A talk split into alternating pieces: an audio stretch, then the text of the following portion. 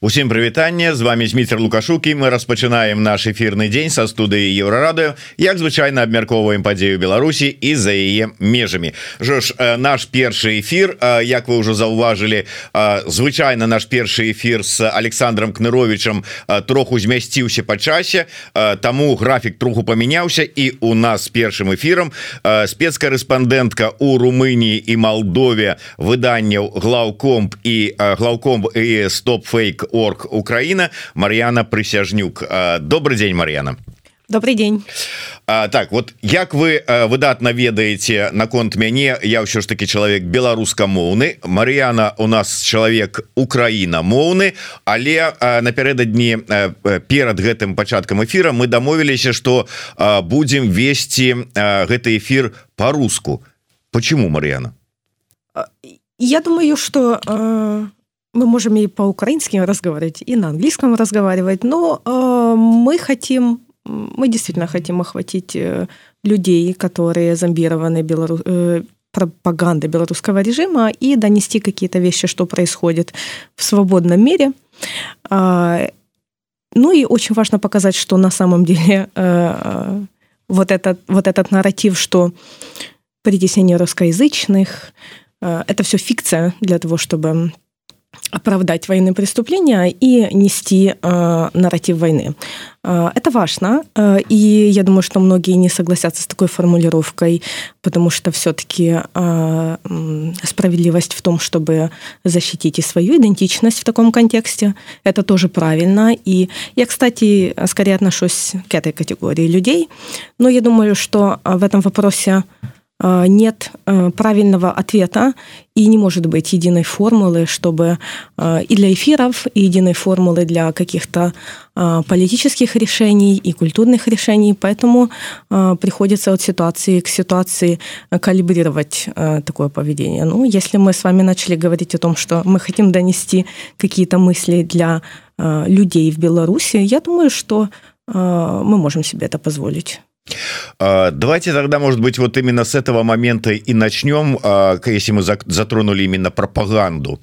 Если говорить о белорусской пропаганде, вот именно этот нарратив о том, что русскоязычных в Украине притесняют и притесняли, и в том числе и Россия пошла как бы вот спасать русскоязычных, ну, это кроме того, что, конечно, там НАТО нападало, и превентивный удар пришло пришлось бедным несчастным э, жителям Московии совершить. Э, тем не менее, какова на самом деле ситуация?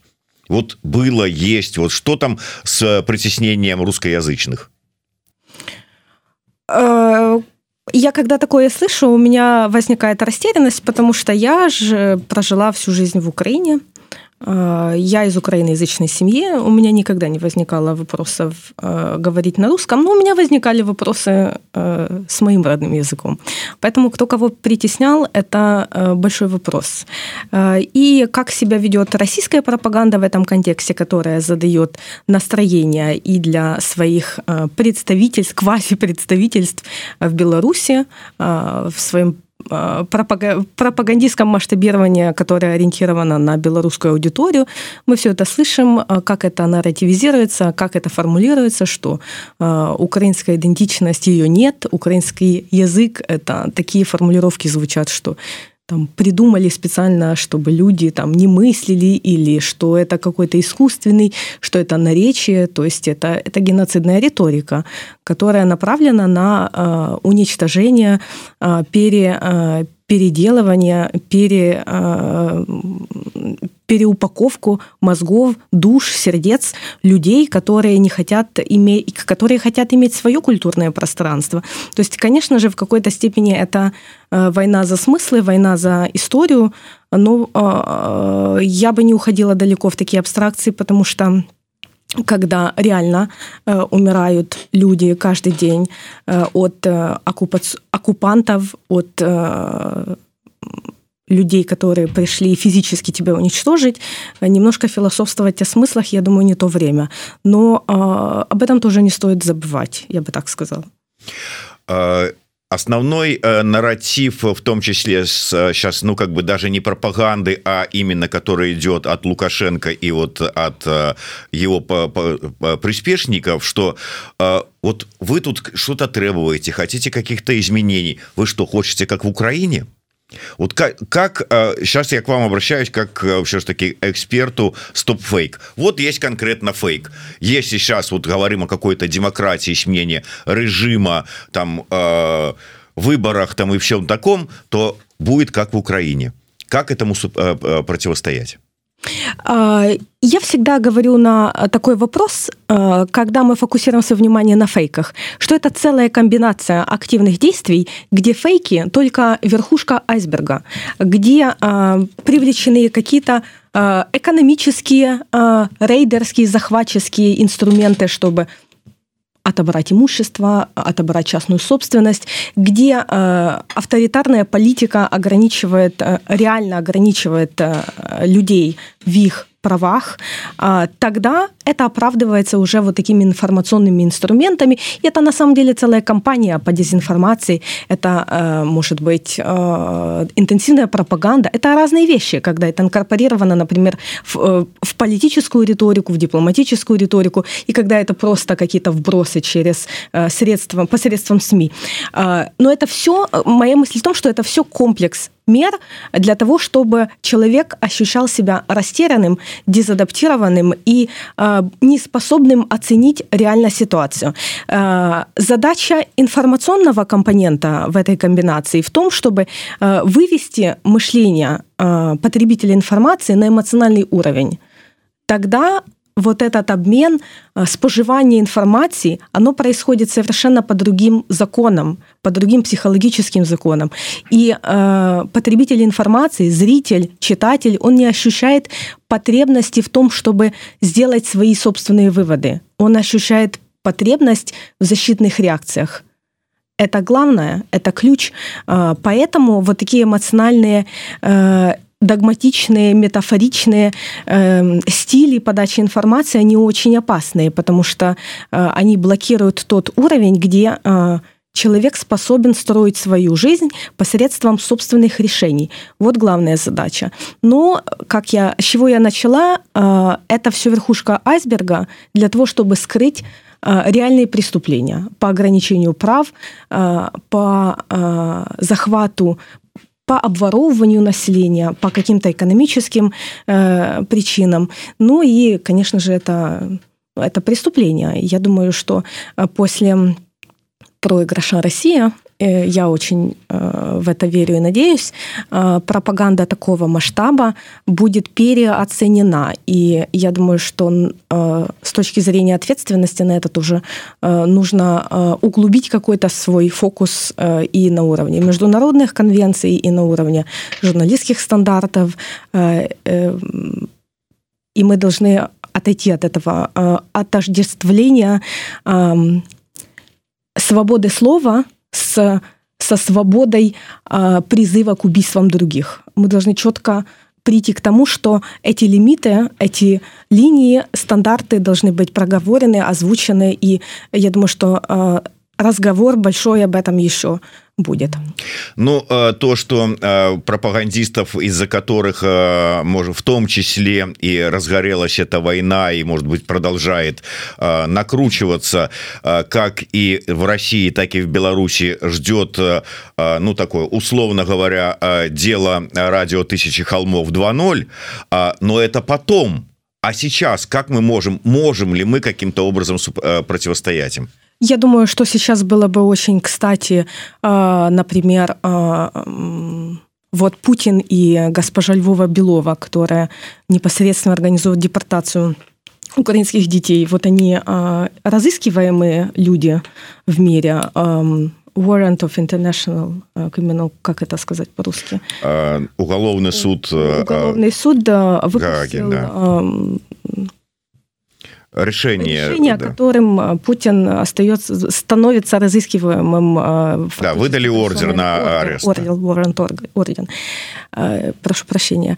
И почему нет ордена по поводу Лукашенко? Он предоставил свою территорию для нападения на независимое государство. Это участие, это соагрессия, это участие в преступлении агрессии, это наказуемо с точки международного права.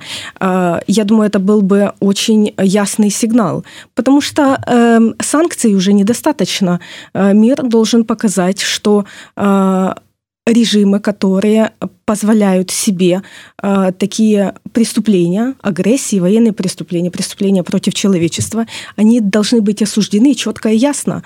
Э, складывается иногда такое впечатление, что демократические режимы откладывают такие э, решительные действия на потом, ожидая чего-то, что кто-то одумается, что кто-то пойдет на какой-то диалог. Я думаю, что это не те люди, с, которым, с которыми нужно вести диалог сейчас, потому что они уже показали свою ценностную принадлежность э, своими действиями. И э, после того, как первые ракеты э, полетели с территории Беларуси, ну, не говоря уже и не, не вынося за скобки российских оккупантов, которые в том числе заходили э, с территории э, вашей страны, которая оккупирована, по сути. Э, я думаю, там уже не с кем разговаривать с теми людьми, которые оста- остаются при власти, захватнической власти. Вот и все. Пропаганда – это рупор – давайте э, немножко отойдем в сторону от вот этих, хотя далеко отходить не будем, потому что я хочу обратиться к вам как э, спецкорреспонденту в Молдове и Кишиневе. Молдова. Что там на сегодняшний день происходит? Вот вроде бы страна выбрала направление к евроинтеграцию. И в то же время мы видим какие-то акции, какие-то э, с э, русскомирскими посылами. Что это? Откуда? С чем связано? Э, ситуация в Молдове очень сложная и на всех уровнях. На уровне и общественного мнения, и каких-то политических преференций на уровне городов, мелких э, и, и даже мелких регионов, вот там Гагаузия, автономия, у них есть официально э, приднестровские оккупированные регионы. Ну и э, каждая власть, которая приходит, приходит в итоге выборов руководить страной, они пытаются в своей политической риторике как-то связать, увязать, найти общие, общие темы, которые бы объединили людей. Но, как мы видим, это не получается потому что Молдова это маленькая страна, как они любят говорить, мы маленькая страна с большим сердцем. Да, но и с большими, э, с большими ге- геополитическими провалами, я бы сказала. Э, Молдова имеет двух соседей, Румынию и Украину. Э, конечно же, это определяет и э, природу внешней политики, и внутренней политики, потому что э, только два соседа, которые, ну, если один из них проблемный, это это уже ощутимо на э, всех уровнях и для экономики, и для э, и между взаимо... и на уровне взаимоотношений между людьми, и на уровне дипломатии. Это уже сложности. Украина до 2014 года играла для Молдовы не самую позитивную роль, потому что все-таки э, политический класс, э, который э, был сформирован э, режимом Януковича, он был пророссийским, и это правда, не нужно стесняться об этом говорить. Происходила ротация через нашу территорию и российских военных в Приднестровье оккупированное, которое, к слову, было признано оккупированным вот только-только сейчас, после начала полномасштабной агрессии. После 2014 года Украина начала стараться, пытаться пытаться играть конструктивную роль, выстраивать э, заново взаимоотношения и с Молдовой, и с Румынией в этом ключе, потому что не стоит забывать, что Молдова и Румыния – это единое румыноязычное пространство. И мы тоже делаем какие-то шаги в, в эм, в том, чтобы отходить от этих советских клише в восприятии друг друга. Это на уровне э, взаимоотношений двух стран. На уровне э, политики в Молдове э, тоже есть разнобежные силы, э, но я бы сказала, что э, если э, вот мое чувство, когда есть проблемы с Украиной, разнобежные силы между собой скорее договорятся, чем, например, с нами или с Бухарестом. Даже если они э, декларируют себя как вечными антагонистами и э, противниками там, на самые такие острые чувствительные темы. Потому что мы не, не один раз видели, когда была сформирована коалиция проевропейских сил с пророссийскими силами против какого-то третьего элемента э, политики, когда ведется борьба. Это так происходило и когда был а, арестован, ну, сначала депутатская неприкосновенность снята, потом арестован, потом осужден. А, если помните, премьер-министр такой был Влад Филат. Угу. Вот мы видим, тогда демократы Плохотнюка голосовали с Дадоном, ну, потом эта история выплыла наружу, что на самом деле между ними была, были отношения подковровые гораздо ближе, чем мы предполагали все. Потом снова же таки госпожа Санду, которая недавно получила э, премию даже в Тимишаре, в румынском городе, э, культурная столица этого года, между прочим, за продвижение демократических ценностей. Но не стоит забывать, что госпожа Санду была в коалиции с господином Додоном, который привел страну к изоляции фактически, будучи президентом, для того, чтобы исключить из политической игры демократов. То есть это все гораздо сложнее. И когда одна партия в Молдове декларирует себя э, проевропейской, э, это не то, что не всегда так. Это всегда что-то скрывает под собой еще больше, чем это скрывает в других странах. Потому что такие э, э, доктринальные э, приписывания там, какой-то политической силе, это, это всегда, не всегда, точнее, не всегда, везде не всегда соответствует действительности. Но в Молдове это еще больше не соответствует действительности, чем где бы то ни было. Э, я не скажу что э, вот до войны э, до полномасштабного вторжения там были такие очень уж там тесные отношения между режимом лукашенко и молдовой но отношения были. На сегодняшний день можно ли говорить о том что в какой-то степени отношения эти экономические торговые там еще какие-то подковерные но они сохраняются? а, вы знаете, вот приезжали недавно в Кишинев и имела честь разговаривать с коллегами из э, Белсат.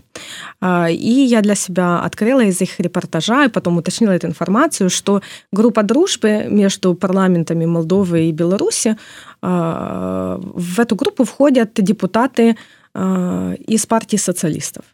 То есть, да, у нас, с одной стороны, есть визит Тихановской в Молдову, декларация политическая, что Молдова будет поддерживать белорусскую оппозицию, но, тем не менее, депутаты-социалисты, почему социалисты? Потому что для э, вот этого советского пространства, э, который, которое до сих пор э, Кремль пытается реконструировать э, и в вашей стране, и в нашей через свои прокси-силы, вот эти люди, э, которые несут эти э, нарративы, они э, не токсичны.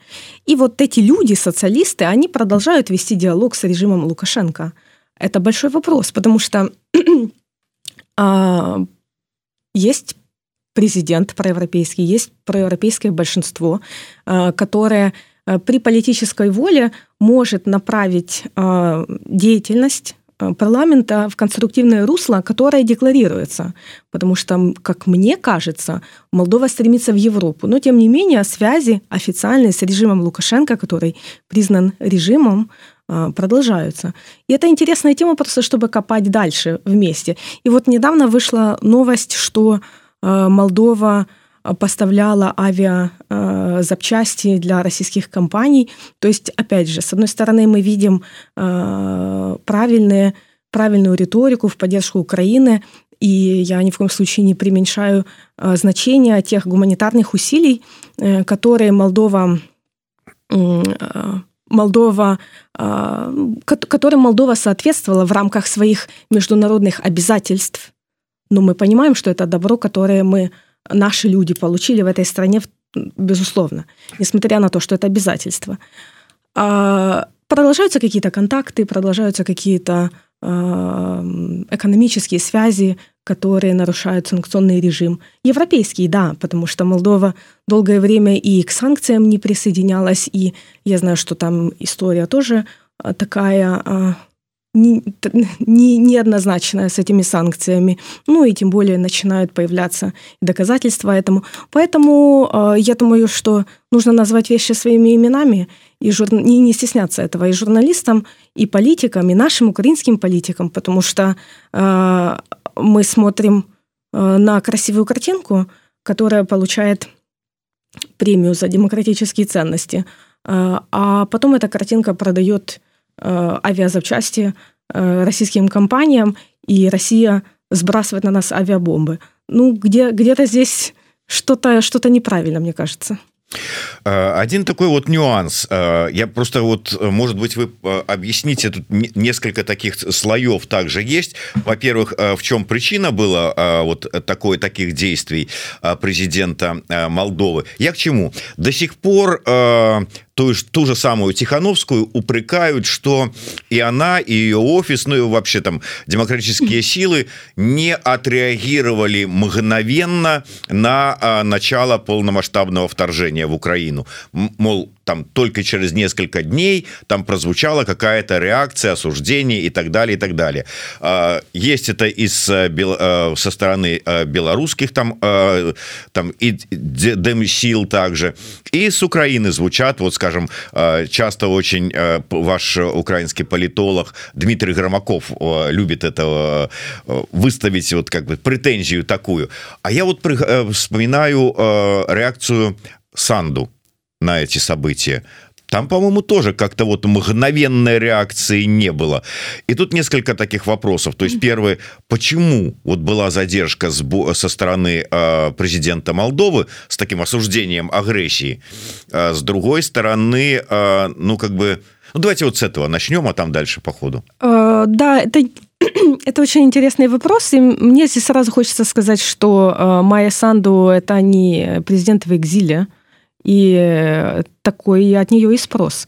Э, что же касается запоздалых э, э, заявлений госпожи Тихановской, я думаю, когда госпожа Тихановская полноценно займется своими обязанностями, вот тогда я смогу дать оценку ее каким-то какой-то риторике президентской, когда она сможет реально осуществлять свою легитимную президентскую власть.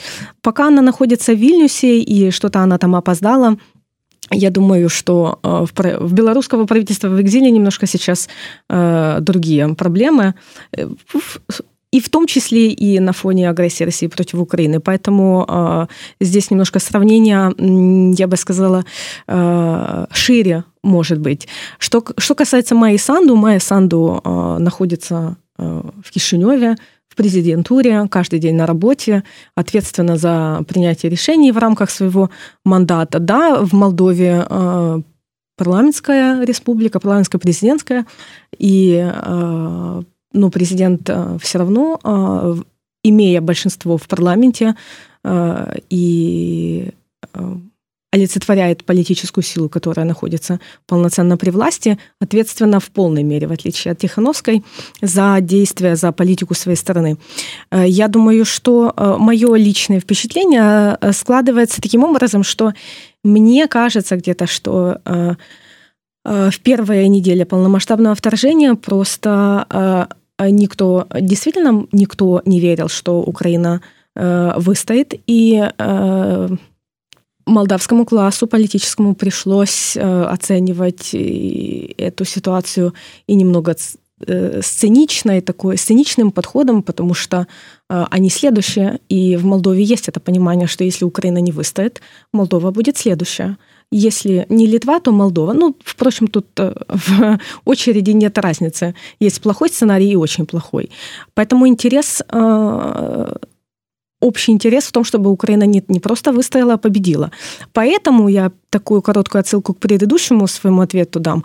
Поэтому и странно, что э, Молдова до сих пор ведет какую-то политику двойных стандартов. Вот это странно. Почему э, реакция была через три недели? Потому что был этот страх – и было понимание. Э, это говорит о том, что все они знают, и они понимают, чем это грозит для них. Марьяна, ну смотрите, э, в Литве, в странах Балтии прекрасно тоже понимают вот эту угрозу, и что они могут стать там следующими э, если в Молдове тоже это понимают, то почему вот действия так отличаются? стран Балтии и Молдовы Я думаю, что есть здесь и фактор Евросоюза, и НАТО, и все-таки, когда э, э, и отсутствие оккупированной территории на, у себя дома, и это создает э, другое ощущение на человеческом уровне, э, когда вот эти базовые э, потребности э, защищены хоть, хоть в какой-то мере, когда э, страна уже стала частью более э, сильного, э, сильной си- архитектуры безопасности европейской, э, когда европейские ценности уже полноценно стали э, э, твоими, прошло какое-то время, поколение. Э, это э, позволяет свободнее действовать, свободнее выражаться, и это меняет общество в лучшую сторону. В Молдове, к сожалению, есть оккупированное Приднестровье, если еще Гагаузия. Это все давит, это все давит на избирателей, это все давит на э, власть. И э, таким образом получается вот, это, вот, вот этот диссонанс, э, который и не дает сделать шаг вперед. Э, и оккупированное Приднестровье – это тот фактор, который, э, между прочим, и сейчас э, между Украиной и Молдовой очень такой интересный Э, момент, где Молдова могла бы нам поспособствовать, но почему-то нет этих действий, потому что там находится и э, самый большой склад э, боеприпасов времен Варшавского договора. Туда все свозилось, когда Россия выходила из Чехословакии, туда все свозилось из этих стран, где были попытки поддержать коммунистические режимы. Но Молдова вот сейчас ведет себя таким же образом, как и в первые дни с этой официальной реакцией. Если сейчас стало мейнстримом поддерживать Украину, выражать солидарность на уровне политиков, э, вот э, в Молдове это пропеленговали, заметили, э, проверили почву, насколько это безопасно для, для, для политического имиджа, с точки зрения каких-то рисков геополитических, вот, можно заходить на эту территорию. Вот они сделали заявление, а, поддержали Украину, проявили солидарность без э, без рисков э, получить какую-то ответную реакцию со стороны ну, наших, в этом случае, врагов. Хотя я думаю, что это их враги на самом деле тоже. Точно так же и с этим, с этим Приднестровьем. Вот это просто э, ситуация калька, но немножко уже ставки крупнее. Э, эта территория оккупирована, вот признается ее статус официальный, э, там есть этот склад боеприпасов, и Молдова не, не делает ничего для того, чтобы эту проблему решить, и чтобы а, поспособствовать, когда вся Европа ищет какие-то усилия по производству и боеприпасов, и поставок оружия, э, для, будучи бенефициаром той безопасности, которую Украина обеспечивает своей кровью, э, решений по этому складу в колбасной не принимается никаких. Это, это печально. Э, и вот они, они будут приняты, когда уже, знаете, и США разблокируют свои позиции, когда и Европа найдет дополнительные возможности, тогда уже включится Молдова для того, чтобы не потерять лицо. Ну, э, вроде уже и Европа решила эти вопросы, разблокировала, обошла Орбана вот эти все а, там, э, барьеры. А, США еще, да.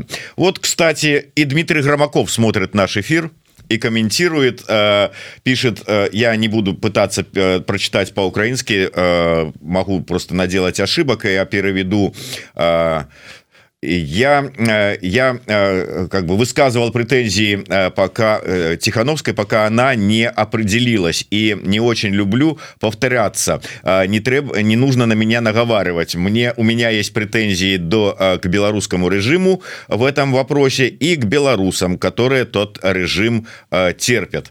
Так. а Дмитрий так Дмитрий піша еще там комментарий. Дмитрий Дякую что вы глядзіце наш эфир. Я думаю что і акурат таки планаваў бліжэйшым часам ізноўку вас запросіць у наш эфир. Я думаю что мы звернемся до да гэтай тэмы на наступны тыдзень дзе зможам у тым ліку і гэтыя тэмы таксама прагаварыць мне прыемна что вы глядзіце наш эфир. Перадаем с Марьяной вам вітанні Марьяна еще один нюанс все-таки очень важно учитывая все то что вы сказали. Помните вот эти вот э, мемом уже стала эта картинка где лукашенко там на фоне карты там типа там а я вам сейчас покажу откуда готовилось нападение но ну, там э, не на про нападение там это мифическое на э, Беларусь про которую там лукашенко говорить а про карту. Там была одна стрелка с Крыма на Молдову. Вот российская армия должна была было в планах зайти и и вот войти в Молдову. С учетом всех тех настроений с учетом э, оккупированной э, территории Приднестровья имею в виду э, политических вот таких вот э, игр э, э, в, Киш, э, в Кишиневе.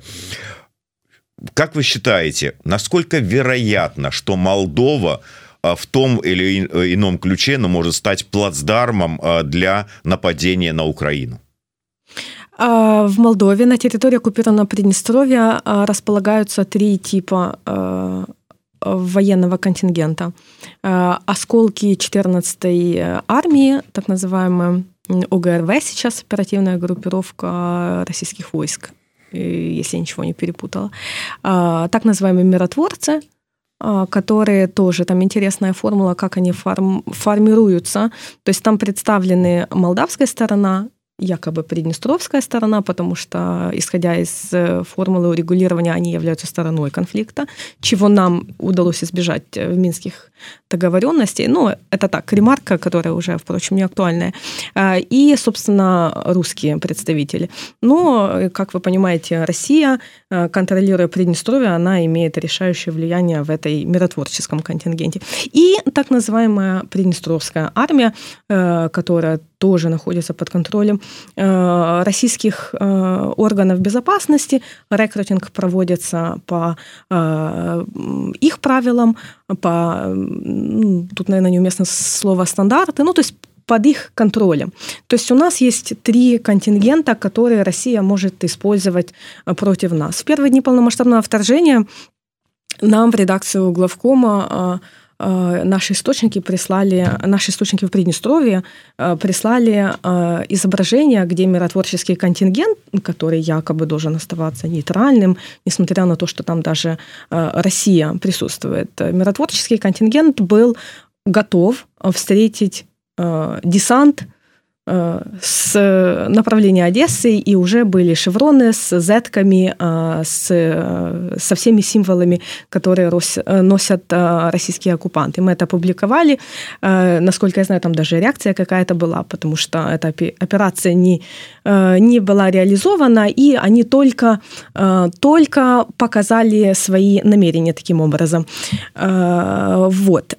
Насколько сейчас они готовы на какие-то провокации, провокаций сказать сложно, потому что э, я думаю, что на уровне провокаций э, они э, исчерпали свой арсенал э, инструментов. Мы это все наблюдаем в течение уже э, двух лет, и время от времени возникают э, некоторые движения в самом Тирасполе, что кто-то кого-то подорвал, кто-то готовил какой-то теракт, ну, якобы, конечно, информационные вбросы.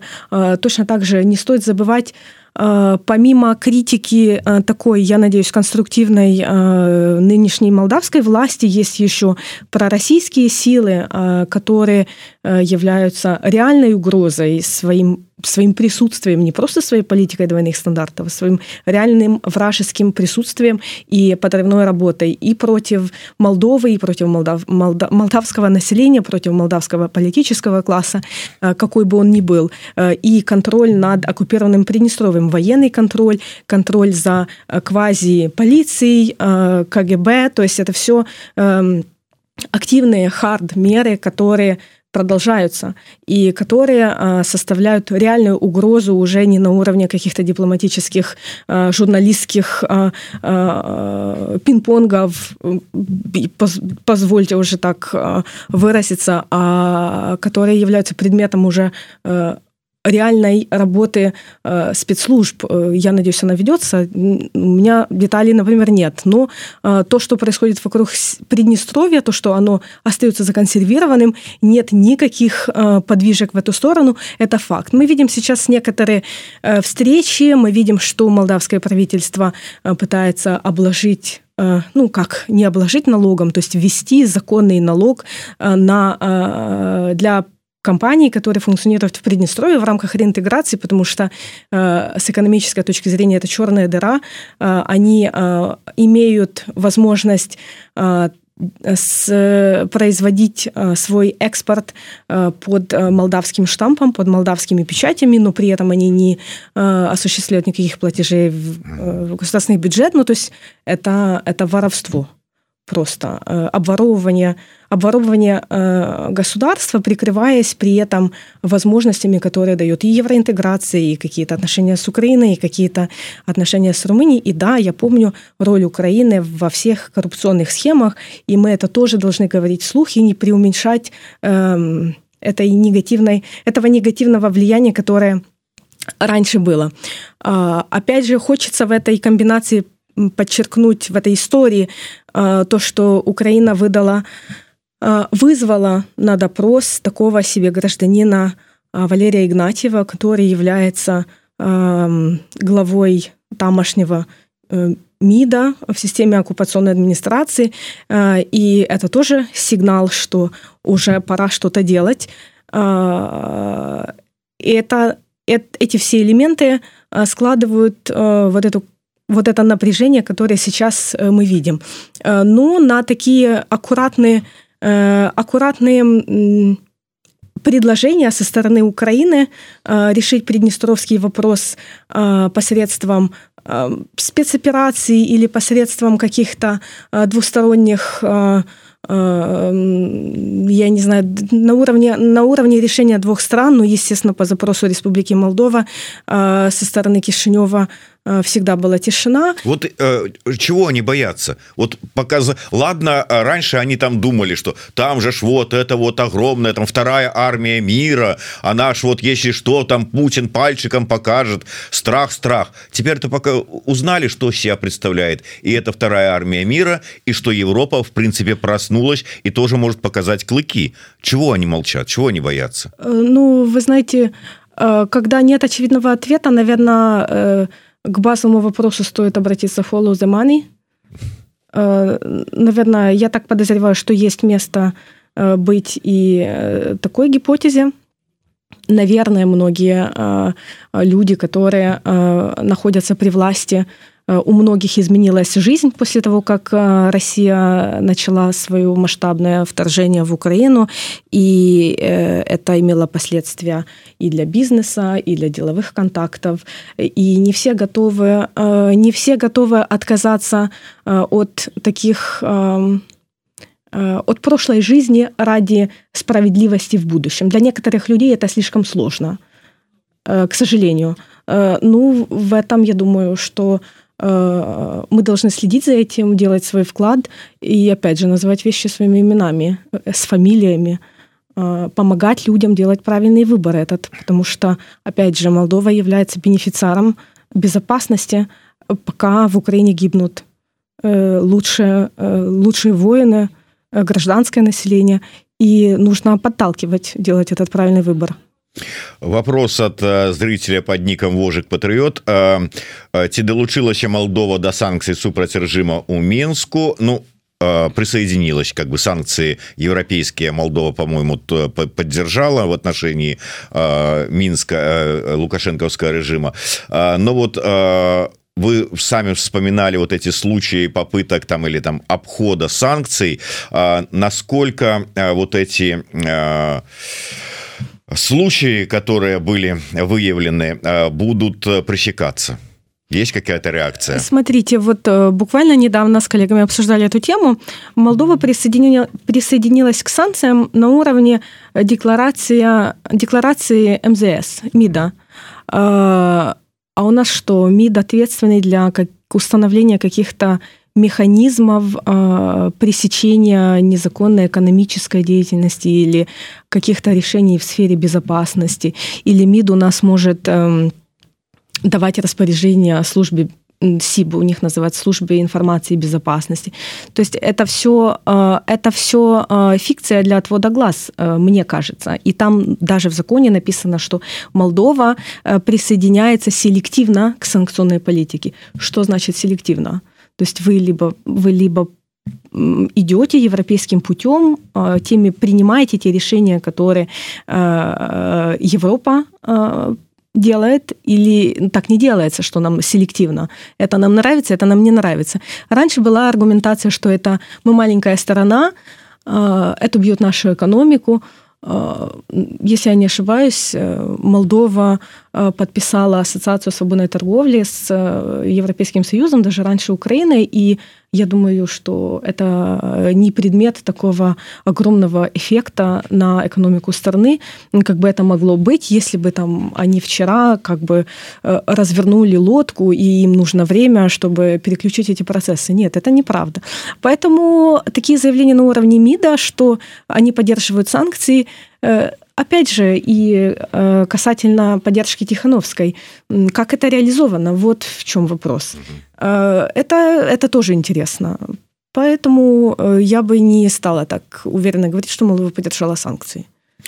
Ну и э, на, на завершение нашего разговора я вернусь э, к э, может быть украинско-белорусским отношениям. Вернее к тем фейкам которые запускает российская пропаганда и на территорию и Украины и Беларуси. И очень часто они как бы транслируются и затрагивают сознание и интересы как и украинцев так и белорусов одновременно есть какой-то механизм противостоять этим вот э, фейкам российской пропаганды?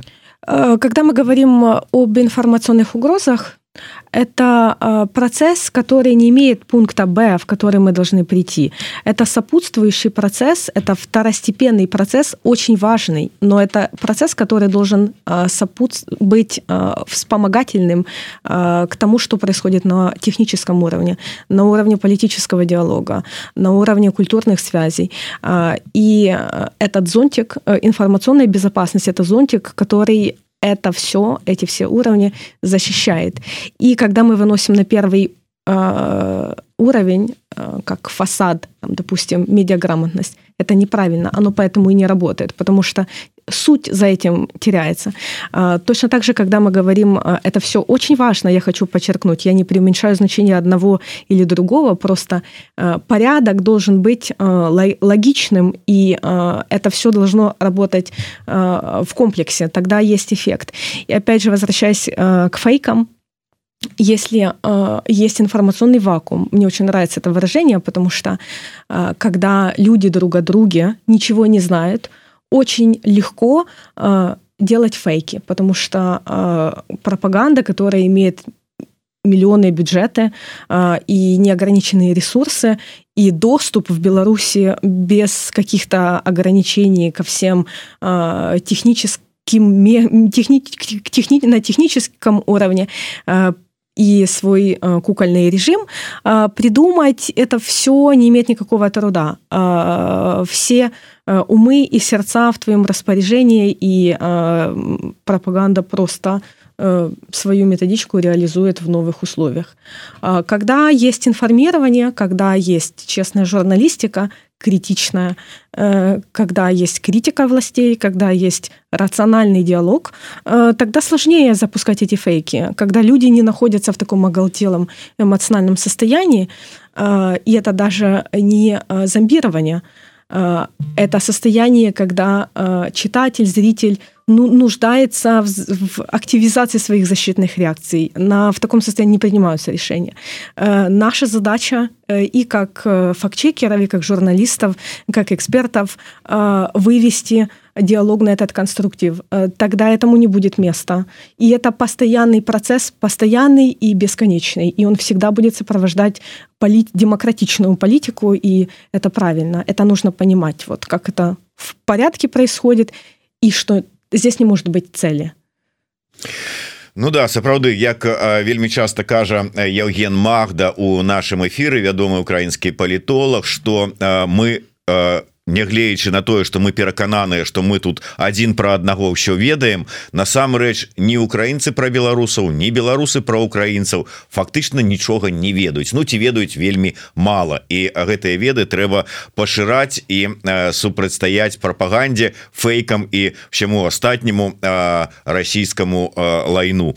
Э, Дякую вялікі э, Мар'яна прысяжнюк. Зміцер лукашук працавалі для вас у эфиры слухайте глядзіце подписывайтесь делитесь расшарывайте читайте главком и э, стоп фейкуа каб все ж таки больше информации атрымліваць Ну и безумоўно подписывайте подписывайтесь калі это для вас бяспечна на YouTube канал еврорады Слава Украине и жыве Беларусь слава спасибо